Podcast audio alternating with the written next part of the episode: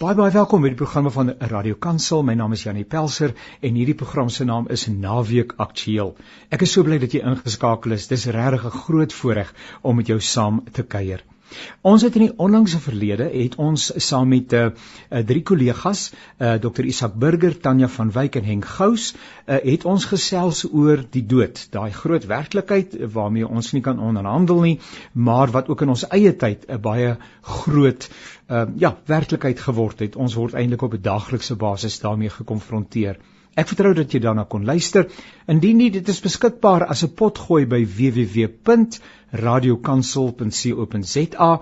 Gaan na Naweek Aktueel en dan gaan soek jy net uh, daar by 'n Naweek Aktueel gaan soek jy net die program. Jy sal sien daar in die inligtings 'n uh, blokkie daar sal staan uh, die gesprek is met Isak Burger, Tanya van Wyk en Henk Gous.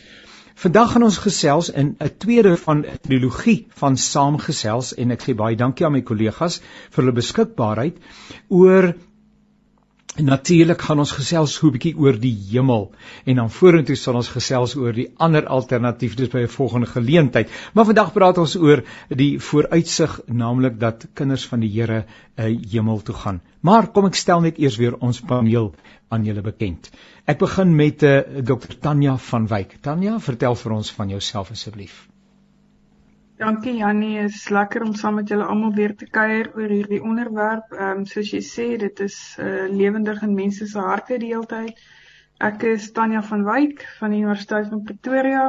Ek is 'n geordende predikant van die Nederduitse Hervormde Kerk en ek is ook 'n senior lektor in sistematiese teologie aan die Universiteit van Pretoria. Dankie Jannie.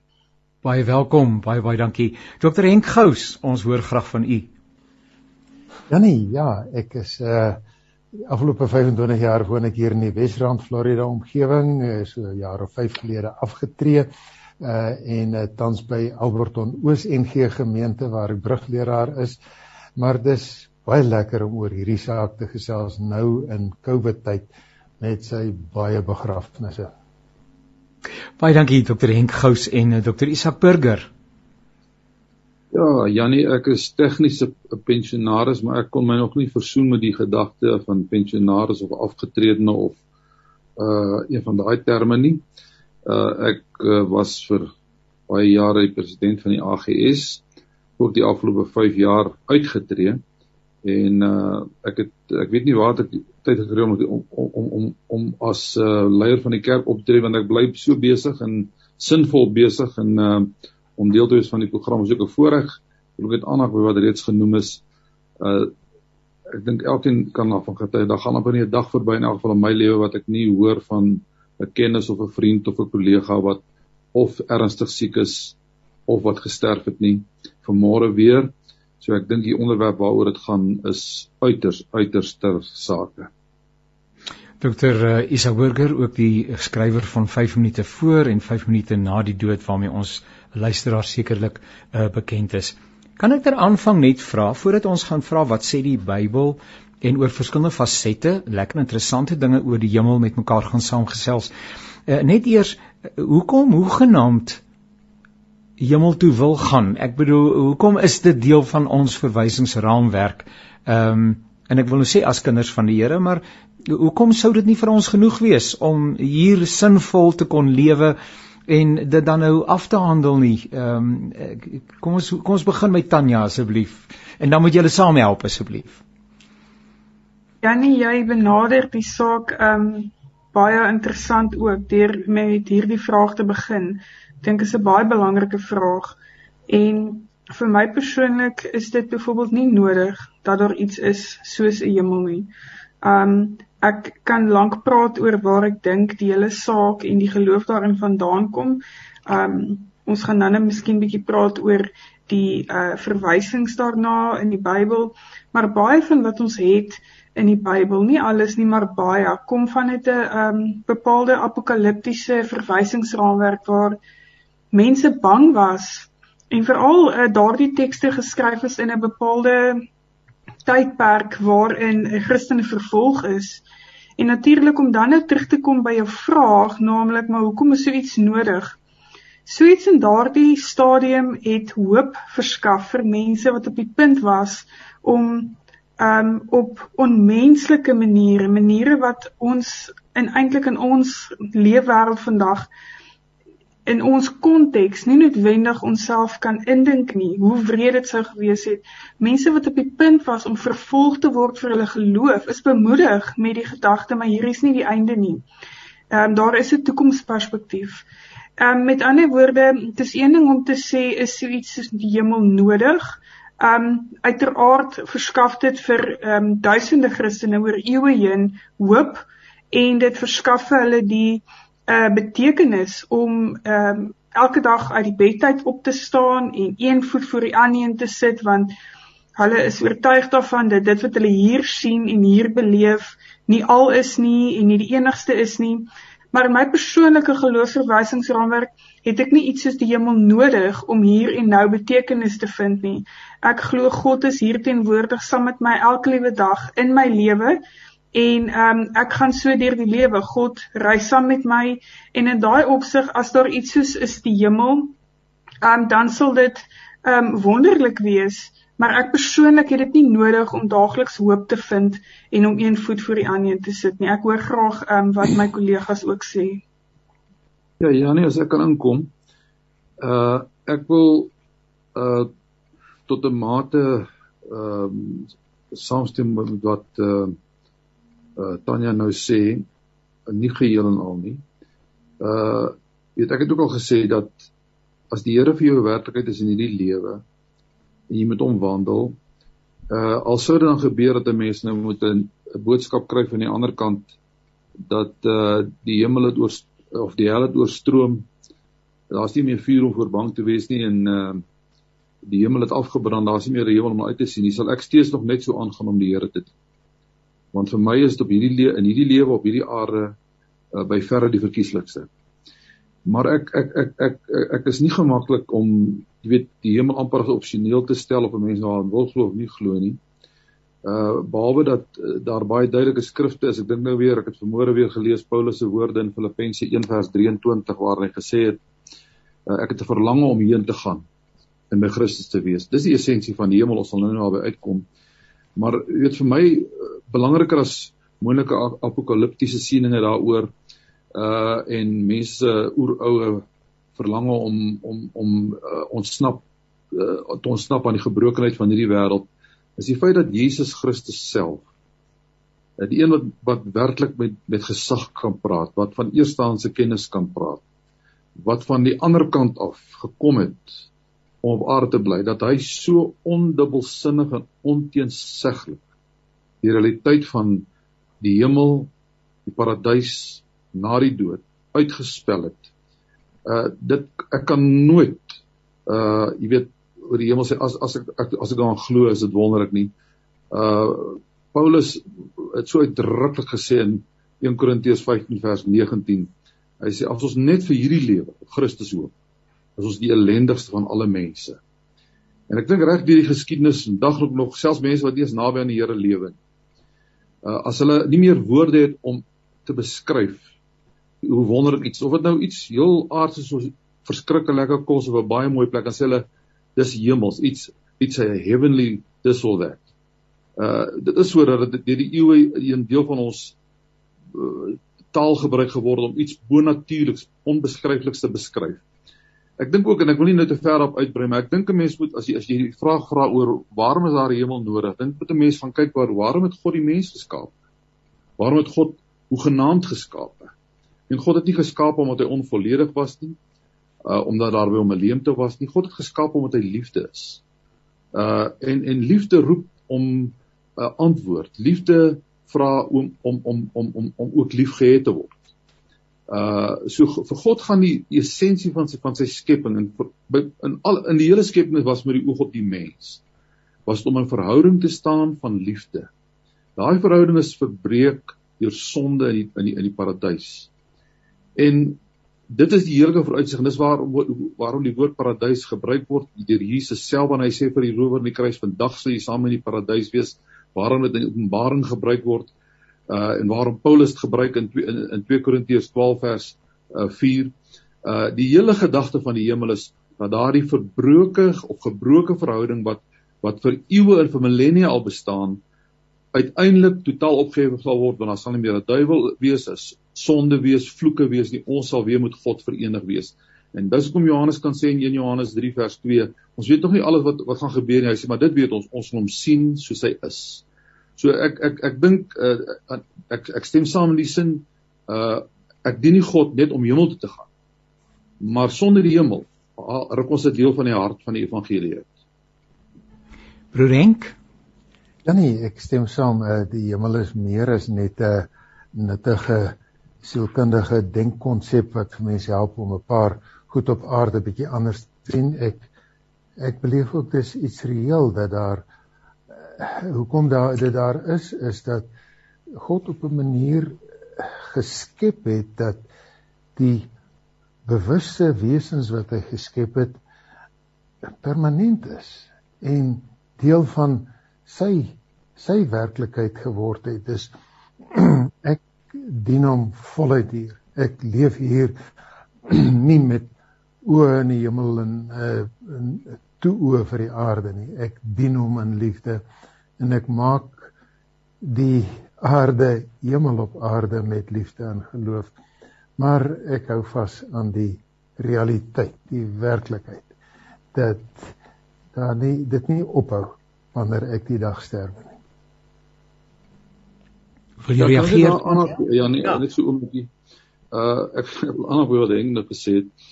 Weet C.S. Lewis het eenmal iets gesê en ek wil dit nou weer in Afrikaans vertaal. Hy het gesê die mense wat op aarde of, of die Christene wat op aarde die meeste vir die werk van die Here beteken is die wat die wat wat die wat die meeste aan die hemel dink. Weet ons het baie die ou gesegde wat sê some people are so heavenly minded that they are of earthly no good. Uh ek dink die omgekeerde is eerder waar. Uh people who are who are who are uh, we, we are so earthly minded that we are of no heavenly good. So ek ek dink regtig waar die hemel is nie is nie 'n pie in the sky soos soos Karl Marx beweer het nie, maar dit is 'n heerlike vooruitsig. En as jy kyk hoeveel mense wat nou skryf veral na hulle onverwags geliefdes verloor baie keer nog voortydig deur die COVID, dan uh, sien jy wat dit beteken vir mense om te weet daar is die die vooruitsig van 'n weersiens en en en 'n 'n plek van 'n toevlug wat Paulus sê hy te verlang om daar te wees. Tanya, wil jy daarop reageer vir ek 'n volgende vraagie vra? Ja, weet jy, ehm um, mense met die uh Bybeltekste wanneer mense hulle begin aanhaal en ehm um, net veral uh, jy weet soms gevaar uh, uh maak om dit buite konteks ook aan te haal, moet mense soms maar effens versigtig wees met dit ten opsigte van die wêreldbeeld van die mense wat uh daardie spesifieke tekste geskryf het. En ehm um, Paulus spesifiek het byvoorbeeld ehm um, gepraat van 'n heerlikheid wat ook hier aanbreek wat nie net in die hiernamaals plaasvind nie. So mense moet altyd versigtig wees dink ek om genuanceerd oor die Bybel te praat. Hulle het geskryf met 'n verdieping eh, met 'n drie verdieping wêreldbeeld wat ons nie vandag meer bekend is nie. En daarom sê ek glad nie dat ons iets soos die hemel nie. Hoe op aarde sal ek dit weet? Ek sal dit nie weet nie. Ehm um, maar ek wil wel sê dat ek dink uh, baie van dit het doen net met 'n gerealiseerde teenwoordigheid van God. As ons kyk na byvoorbeeld wat Dante geskryf het in sy een stuk ehm um, in die Divine Comedy en die een stuk van die Divine Comedy is natuurlik getitel Die Paradiso. En daar praat hy oor God ehm um, as die liefde wat die son en ander sterre beweeg. Nou in daardie opsig as mens kan uitsien na 'n werklikheid waar alles so geheel en al met mekaar versoen is volledig in mekaar is ehm um, waar daar nie enigiets uit balans uit is nie waar daar vrede is wat verstand te bowe gaan. Ek dink nie daar's een mens op aarde en veral ons Christen gelowiges wat nie reikhalsend smag na so iets nie. Ehm um, Uiteraard, ek bedoel in hierdie tydperk waarin ons osself eh, bevind waar daar soveel onvrede is, soveel ehm um, dinge wat net voel asof dit uit plek uit is om te smag na daai tipe van vrede wat en geheelheid en heelsaamheid. Ek self is iemand wat reg halsend na daardie uh, saak en daardie werklikheid sal smag. My probleem is dan net dat as ons soms in hierdie manier oor die hemel praat, moet ons versigtig wees want dan gaan dit net oor ek Tanya of ek Isak of ek Henk of ek Jannie. En die beelde wat ons kry in die Bybel ten opsigte van verlossing is ook kosmies. Daar word 'n heelwording tussen die gebroke verhouding tussen mens en natuur aangedui. Met ander woorde, dit wat gebroken is in die natuur is ook deel van hierdie groter verlossing, groot van hierdie heelwording, hierdie versoening tussen God en mens. En as ons uiteindelik so fokus op die hemel wat vir my belangrik is, dan raak dit maar die hemel is vir mense. En uit die debat of honde hemel toe gaan, ek bedoel dis iets totaal en al anderster. Maar dit gaan hier oor 'n kosmiese versoening en 'n kosmiese heelwording wat die mense ook insluit. En derhalwe as ons vanuit ons jaar 2021 oë gaan kyk en ons gaan lees 'n Bybelteks, moet ons net hulle leefwêreld in gedagte hou. Ek dink dit is maar al wat ek pleit as mens hierdie tipe van ehm um, sake in gedagte hou. Dankie ehm um, vir daai kans om ehm um, te reageer Jannie. Kollegas, nou ek is so bly dat ek uh, met uh, mense wat baie goeie insig en kennis het, uh, kan staan kuier, want nou kan ek 'n klomp vrae wat ek het, kan ek nou op die tafel plaas en ek kan dalk vandag antwoorde kry saam met ons luisteraars. En uh, natuurlik sou ek graag wou weet, maar waar is die hemel? Uh en kan julle vir ons bietjie help? Gee die Bybel vir ons 'n aanduiding. Hoe hoe hoe praat 'n mens as iemand nou vir jou sê, "Maar waar is die hemel?" Ehm um, hoe, hoe antwoord 'n mens, Henk? Ek sien jy staan gereed met 'n antwoord. uh Janie, ja, kyk onmiddellik as 'n mens die vraag vra waar, dan vra jy uit jou wêreld uit. Ja. En ek glo die Here het vir ons iets bokant ons menslike begrip in menslike terme kom verduidelik. En hy het dit in die tyd van die Bybelskrywers dit in 'n drie verdieping wêreldbeeld in hulle konsepte Grieks en taal verduidelik. Maar daarom moet ons besef selfs al vertaal ons dit na ons nuwe werklikheid, is dit nog steeds 'n on onbeskryflike iets, maar 'n realiteit. En hierdie feit van God se woord wat in mense terme verbruik word, help vir my om te sê maar as ek vra waar is die waar is die hemel? Dan vra ek in mense terme. En as ek dink aan God as wese dan besef mens die mense woorde wat hom beskryf sê hy's alomteenwoordig hy's ewig. En as ek daai mense terme vertaal in vandag se mense terme dan sê ons hy's buite ruimte en tyd hy's 'n wese wat die gedagte die die die geheel van die skepping omvat en groter as dit is insluit en oor oorspan. En as 'n mens dan vra waar is die hemel? dan sê mens die die mense beskrywings in die die, die mense terme waarmee God vir ons soos 'n goeie onderwyser dinge probeer verduidelik maak het sê vir ons Mens kan nie eers sê waar is dit nie. Dis 'n bewussyn buite ruimte en tyd waar ons by die bewussyn van God sal wees en waar ons ook buite tyd beweeg. Dis ons beweeg. Ons kan nie eers sê die die die hemel lê iewers in die toekoms nie. Die hemel hemel lê buitekant ruimte en tyd, maar dis 'n realiteit. En daarom moet ons al die goeders wat die Bybel sê as die goeie onderwyser van God wat deur die, die Heilige Gees ge, in deur Jesus gepraat het wat hy mensebeelde gebruik het van 'n stad met goue strate van 'n nuwe aarde wat wat maar net probeer simbolies sê die onbeskryfbare werklikheid van by God wees, bewus van hom af, bewus van die liefde wat hom omstraal, bewus van die geheel wat die kosmos omvat wat hy in sy hande vashou, bewus van geliefdes wat ook saam met my dit beleef. Dis ek wil sê ek kan nie jou vraag antwoord nie want ek gaan dit net in mense terme probeer beskryf wat bo menslik is. Nou eh, ek eh, net terwille van ons luisteraars, jy luister na die programme van Radio Kansel. Hierdie program se naam is Naweek Aktueel. Ons gesels oor die hemel en uh, my kollegas Isak Burger, Tanya van Wyk en Henk Gous is ons gespreksgenote. Jannie, uh, na aanleiding van jou vraag oor uh waar is die hemel? Uh wil ek aansluit by beide my kollegas.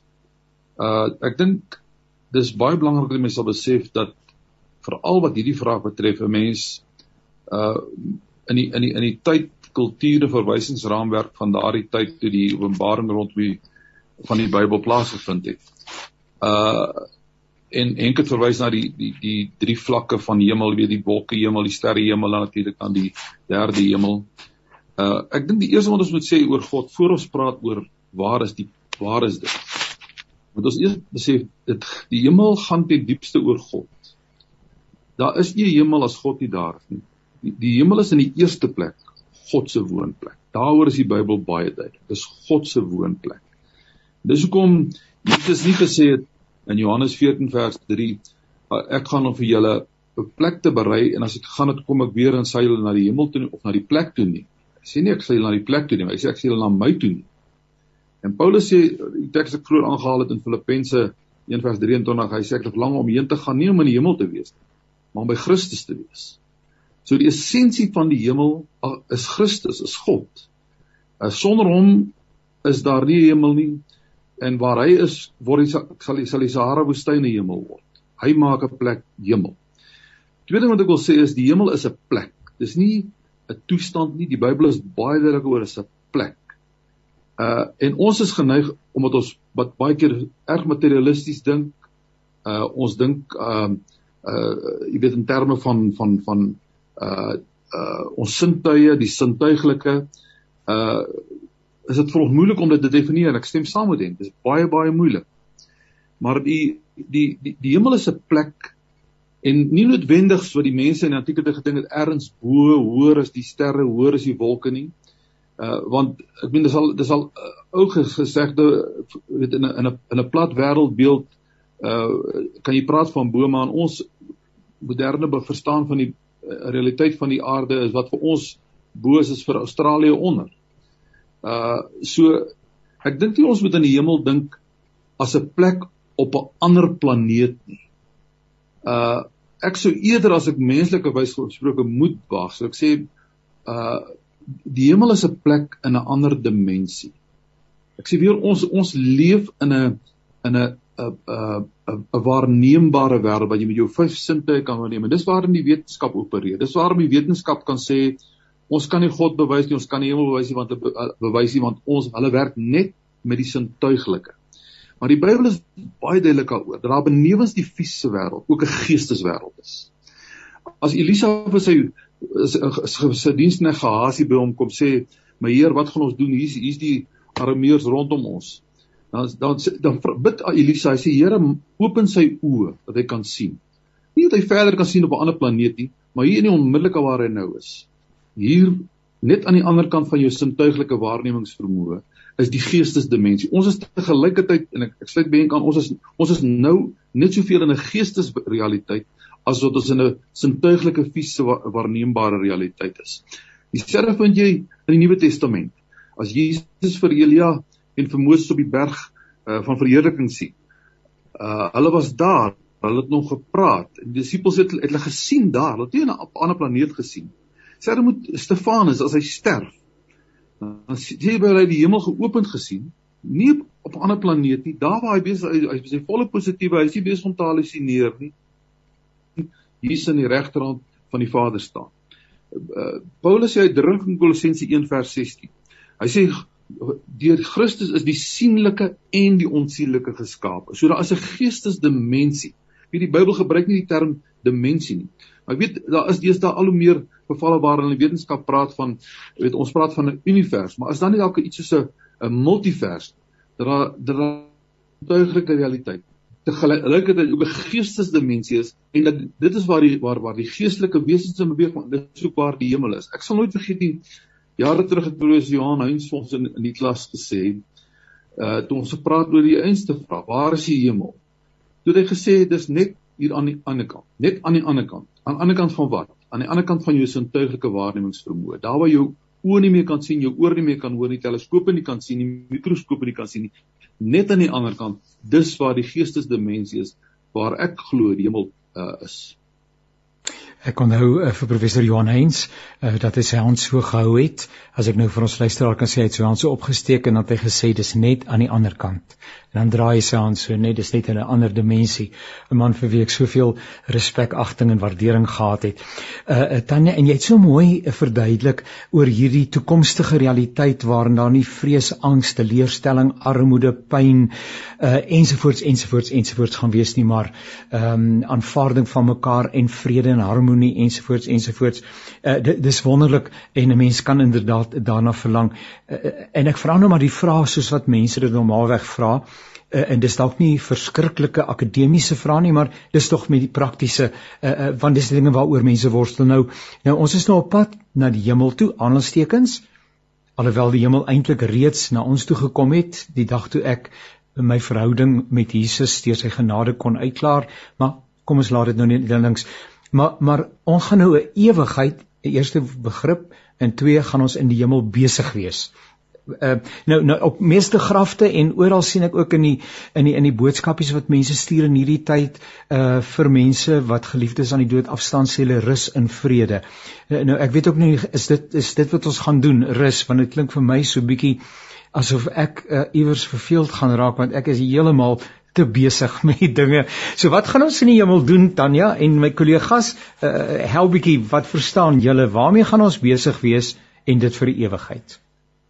Weet jy, ehm um, Jannie, jy beeld nou so mooi uit hoe ons ons tyd en ruimte werklikheid van hier en nou as 'n ja. tipe van 'n matrix nê, nee, so half ehm um, plaas oor enigiets ja. wat ons dink oor 'n tyd hierna. En ons doen dit eerstens omdat ons menslik is en ons net menslike kategorie het om oor na te dink.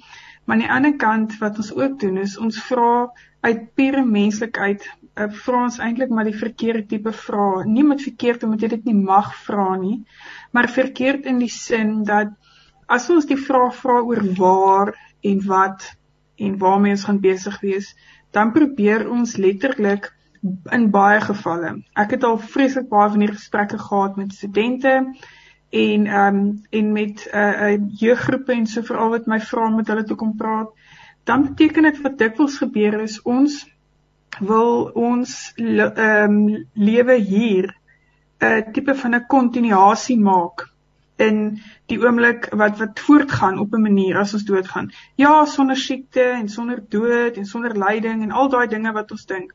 Maar ons dink net dit gaan soos hier was my lewe nou en ek het 'n gesin en 'n familie gehad, maar nou hierna gaan ek 'n lewe hê en dit gaan by God wees en almal gaan daar wees en ek gaan gesond wees en ek gaan nooit weer huil nie en daar gaan nie iets soos kanker wees nie ensovoorts. En alhoewel dit alles baie menslike, eg menslike ehm um, verlangens is. Jürgen Moltmann sê byvoorbeeld die waar vraag is 'n persoonlike vraag. Dis 'n persoonlike vraag omdat ek wil weet maar waar's my geliefde? Dis hoekom ons vra die waar-vraag. Ons vra nie die waar-vraag moet ons 'n antwoord daarop kan kry nie. So met ander woorde, ons vat ook dan ons tydsverstaan en ons sê ons verstaan tyd het 'n begin en 'n middel en 'n einde. En dis die lineêre verstaan van tyd. 'n Ander verstaan van tyd is 'n siklus. Iets wat altyd begin het, sal altyd weer omkom en alles sal weer gebeur. Ons vind dit byvoorbeeld in die inkarnasie tipe van teorie waar een van my dosente altyd vir ons probeer help het om te verstaan dat tyd baie meer tipe van ehm um, elasties is. amper soos daai ehm um, springs wat mense so gekry het wat die kinders so mee gespeel het en so. Met ander woorde tyd is 'n siklus en 'n lyn en met 'n spiraal is altyd daai in een in, in, in bymekaar in een gevleg. Met ander woorde tyd word nie bepaal deur die oorlosie nie. Dis nie die oorlosie wat vir my sê wat ek nou moet doen nie. Tyd en en betekenis word gegenereer in ontmoeting. Nou, dit is alles 'n klomp spekulasie natuurlik. Ek kan nie vir jou sê wat ons gaan doen nie. Ek sê net vir jou dat ek dink, nê, dat wanneer ons hierdie eg menslike vrae vra, ons se doen omdat ons probeer om iets van ons werklikheid hier behoue te laat bly. In elk geval die dinge wat ons dink mooi en goed was en dit soort van in 'n oortreffende trap dikwels wil beleef wanneer ons doodgaan. So ek kan maar net sê wat Henk ook gesê het. Ek kan ook nie daardie vraag beantwoord nie. Ek dink ons moet eers vir ons self altyd afvra. Dis 'n geweldige interessante oefening. So hoekom wil ek oor hierdie bepaalde dinge weet? En dit met mense deur te praat vir wie jy omgee. Ek dink dit is 'n 'n fantastiese ding om te doen en is ook nodig in hierdie tyd om hierdie vrae te vra.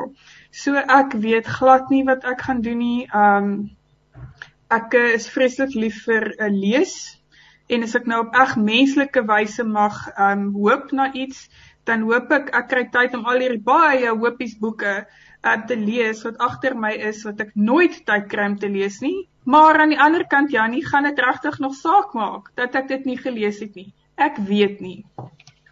Julle luister na die programme van Radio Kansel. Hierdie program se naam is 'n uh, uh, uh, amper seker Radio Kansel nie naweek aktueel. Uh, my gaste is Isak Burger, Tanya van Wyk en Henk Gous. Ons gesels oor uh, die hemel.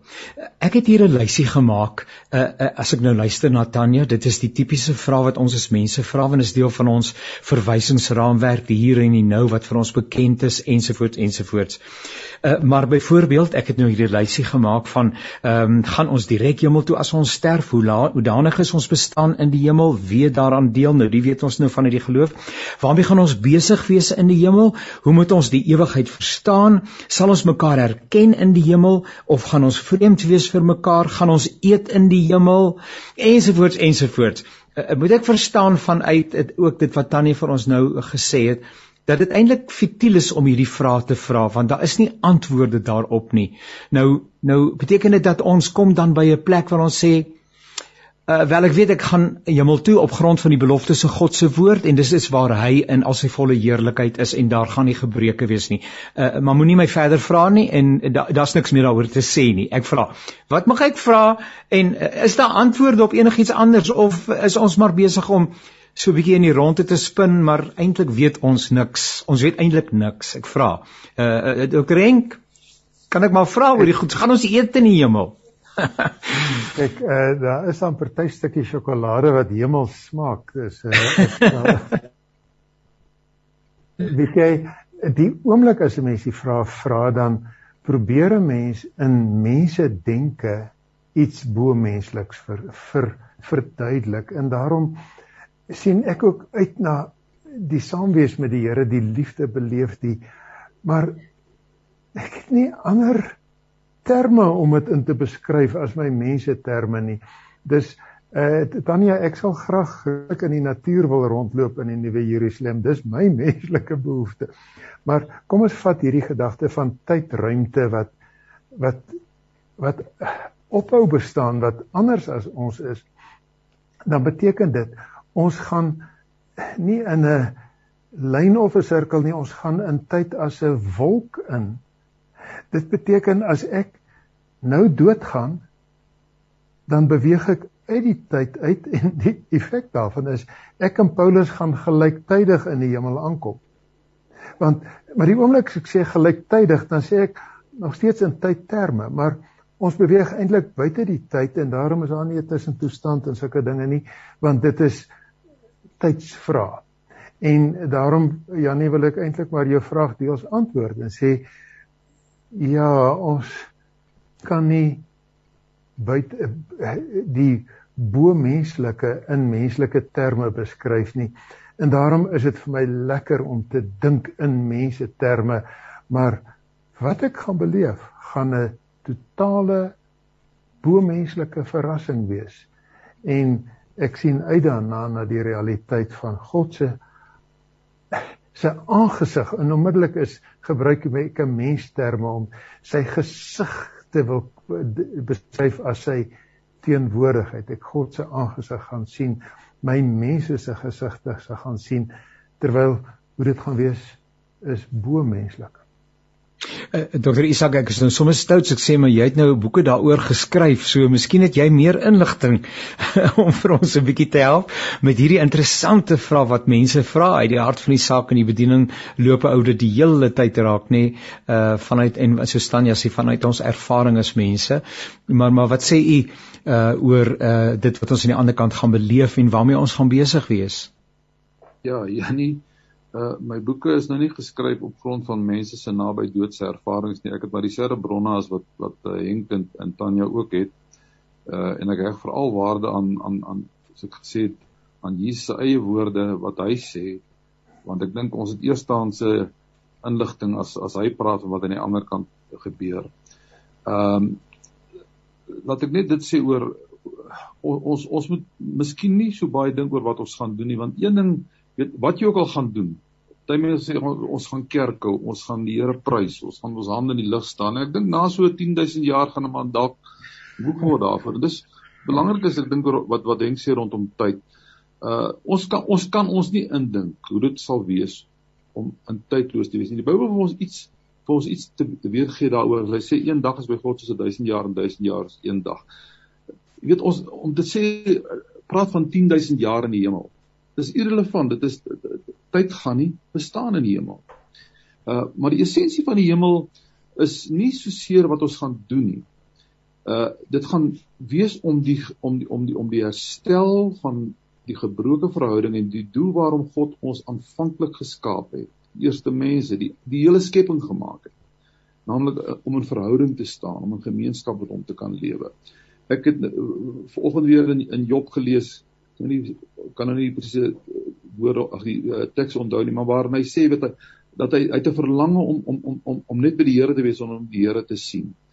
Uh vir my lê daai die essensie daar is dat ons by God gaan wees. En ek het vroeër aangehaal die die verskillende tekste wat wat nie sê ek het 'n verlange om in die hemel te wees, maar ek het 'n verlange om by God te wees. Ek dink nie ons kan ons 'n oomblik indink in ons gebroke onvolmaakte situasie hoe dit wees om by God te wees nie.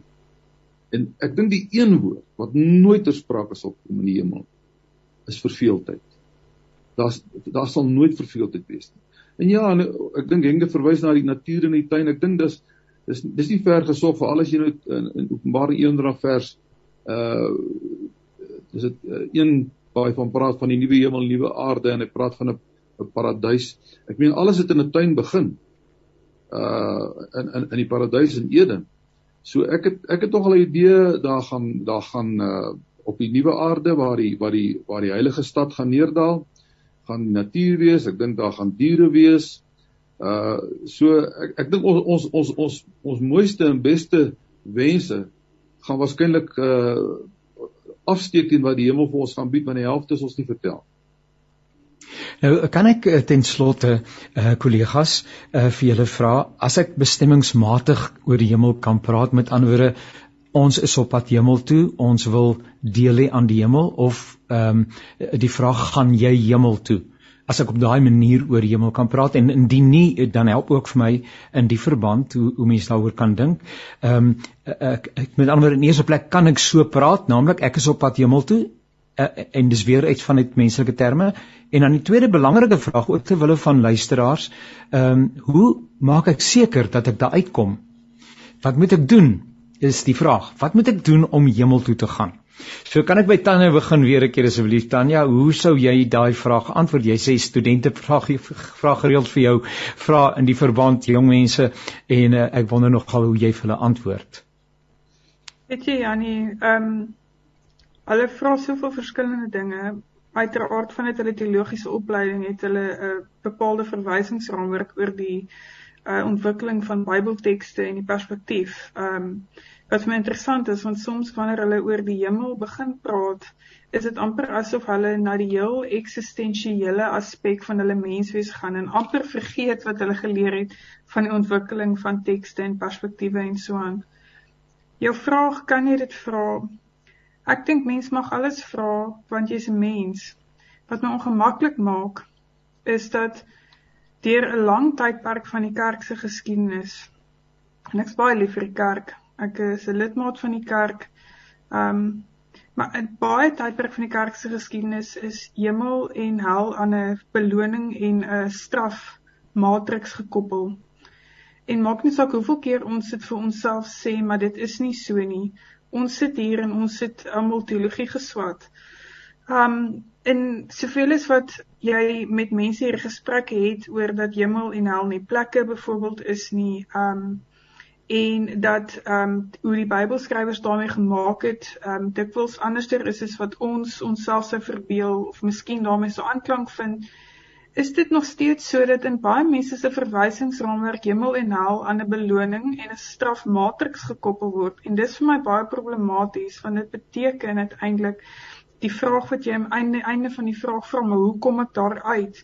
Beteken dat mense geloof die gevaar staan. Ek sê nie dit is altyd so nie, maar daar's 'n groot gevaar dat die idee na buitekant nog steeds geskep word en in stand gehou word dat as ek glo en daar's 'n sondelys wat bestaan en ek kan elke liewe een van daai goed. Ek kan nie ek kan nie 'n tik langs een van daai goed maak op 'n sondelys nie. Dan is ek 100% op pad na die hemel toe. En die menslike toestand is 'n gebruike toestand. Sonde is nie 'n lys nie. Dis 'n toestand. En wanneer ons begin vra vra ouma hoe kom ek daar uit? Dan dink ek en ek verstaan die eg menslike vraag. Soos ek sê, ek kry dit dikwels, maar daar is die gevaar dat ons bly om hierdie teenwoordigheid by God wat verstand te bowe gaan of afwesigheid van daai liefde wat die son en ander sterre beweeg dat ons dit miskyk en dit interpreteer ten opsigte van iets ek dink wat dit nie behoort om te wees nie. So ek wil graag jou vraag antwoord en sê ek dink nie mense kom daar uit in ten, ten opsigte van 'n roete nie. Ek want die gevaar daarvan staan dat jy dink ter iets wat jy doen, jy in jou twee hande, jy um ietsie daarin kan meedoen. En ons bely saam met die gelowiges van alle eeue dat dit wat God begin het, um, dit is wat God in stand hou en dit is vir my 'n beter perspektief om aan vas te hou ten opsigte van hierdie goed. Maar ek waardeer die vrae wat jy vra ongelooflik baie. Dankie Janie, ek luister graag na die kollegas. Dankie, uh, dankie Tanya Isak. Ehm um, hoe, hoe reageer jy uh die vraag hoe kom ek in die hemel uit uh, as dit 'n bestemming is en is dit 'n bestemming en hoe berei ek dan daarvoor voor? Dis Jesus gesê dis 'n plek waar is het ons nou oor gepraat is 'n plek. Uh ek wil eelhartig saamstem met Tanya dat ons nie daar gaan kom op grond van uh van hoeveel hoeveel hoeveel min sonde ons kon doen of geen sonde gedoen het nie. Uh mense gaan nie hemel toe omdat hulle goed geleef het of goed gedoen het. Die mense gaan nie hel toe omdat hulle sonde gedoen het. Dis waarom ek net in die verband dit noem, weet mense is baie keer baie uh ongenadig as hulle kom by hulle oordeel oor mense wat selfdood gepleeg het. 'n Mens gaan nie hel toe omdat jy uh die laaste wat jy gedoen het uh, verkeerd of 'n sonde gedoen het. 'n Mens gaan hemel toe en Jesus sê dit self. As jy hom aangeneem het. Hy is die weg, die waarheid en die lewe. Mens gaan nie hel toe omdat jy 'n sonde of 2 of 3 gedoen het nie. Jy gaan hel toe omdat jy nee gesê het vir Jesus se verlossing en versoeningswerk aan die kruis van Golgotha. So die bepaalde faktor is wat wat maak 'n mens met God se versoeningsaanbod Jesus Christus? Hy is die weg, die waarheid en die lewe. Hy is die deur. Niemand kom na die Vader anders as deur my nie. En wat mense betref wat nie Christene is nie, kan ek nie 'n uitspraak maak nie. Ek is nie die regter nie. Ek kan net binne die konteks van die openbaring wat ek het, naamlik die Bybel, die woord van God, kan ek sê Jesus Christus het alles gedoen wat nodig is vir my om die hemel te maak. Buite hom is daar vir my nie hoop nie in hom as ek hom aanvaar en geloof, dan is die hemel 'n sekerheid. Die laaste woord Dr. Henk Gous woord aan u. Weet jy dit is so dat ek bang is vir mense wat sê ek wil net seker maak dat ek hemel toe gaan. Terwyl ek dink die groot taak is ek wil God beleef by hom met hom harmonieer saam met hom hier lewe en dit gaan 'n ewigheid wees. Dis die kernvraag is eerstens hoe leef ek op aarde saam met God? En dan omdat dit genade is en omdat God so goed is en Christus vir ons gesterf het, uh, is die is die hemel eintlik as 'n as 'n bonus ingesluit. Dis ek dink die vraag hoe ek hemel toe gaan is 'n en en gaan ek hemel toe is vir het veral gekom uit 'n sekere evangelisasie styl wat dit amper iemand tot stilstand geskok het terwyl ek in my lewe eerder vir iemand wil nie tot stilstand skop nie maar sy hart roer deur God se teenwoordigheid en sy liefde te laat belewe. En ek dink dis wat Jesus gedoen het. Hy het vir mense laat liefde sien en belewe hy het met ons gepraat en uh, daar uh, dink ek uh, is ek dink ek bietjie anders as Isak oor Jesus se woorde. Jesus het in gelykenisse gepraat in mens verstaanbare taal. En as hy sê ek gaan nog julle plek te berei dan sê in menslik verstaanbare plek julle gaan in 'n bewussyn van my wees na die dood en ek sien baie uit na daai bewussyn, daai liefdesomgewing wat 'n mens gaan beleef. Ek beleef nou al iets daarvan, ek probeer dit uitlewe en dis my vooruitsig. My gaste vir hierdie program was Dr. Isak Burger, uh, Dr. Tanya van Wyk en Dr. Henk Gous en uh, ek sê vir u hartlik baie baie dankie uh, vir u tyd wat u ingeruim het en vir die perspektiewe waaroor ons kan gesels en wat op die tafel gekom het. Ek sien so uit daarna dat ons ons gesprek opvolg. Ek het al reeds 'n hele arsenaal vrae in my gedagtes uh, wat na vore tree soos wat ek na julle interessante en slim mense geluister het. Uh, baie dankie aan ons luisteraars wat ingeskakel was. Weer 'n keer die program is beskikbaar as 'n potgooi by www.radiokansel.co.za gaan na naweek aktueel en jy sal dit daar vind ook ons programme wat ons op 'n Woensdag uitsaai, 'n aktualiteitsprogram in die naam van Perspektief en jy kan dit ewenigs by 'n uh, 'n Radio Kansel se webwerf kry uh, en jy gaan soek net by Perspektief en daar kry jy weer gedagterigtings rondom ander aktualiteite uh, van die dag. So Dr Henk en uh, Dr Isak Dr Tanya, ek groet u, baie baie dankie vir u tyd en uh, mag uh, u 'n uh, aangename tyd uh, uh, beleef wat voorlê. Uh, bly gesond as asseblief en uh, liewe luisteraars pas julle self sommer baie baie mooi op. Dankie Jannie, dankie luisteraars. Dankie. Baie dankie.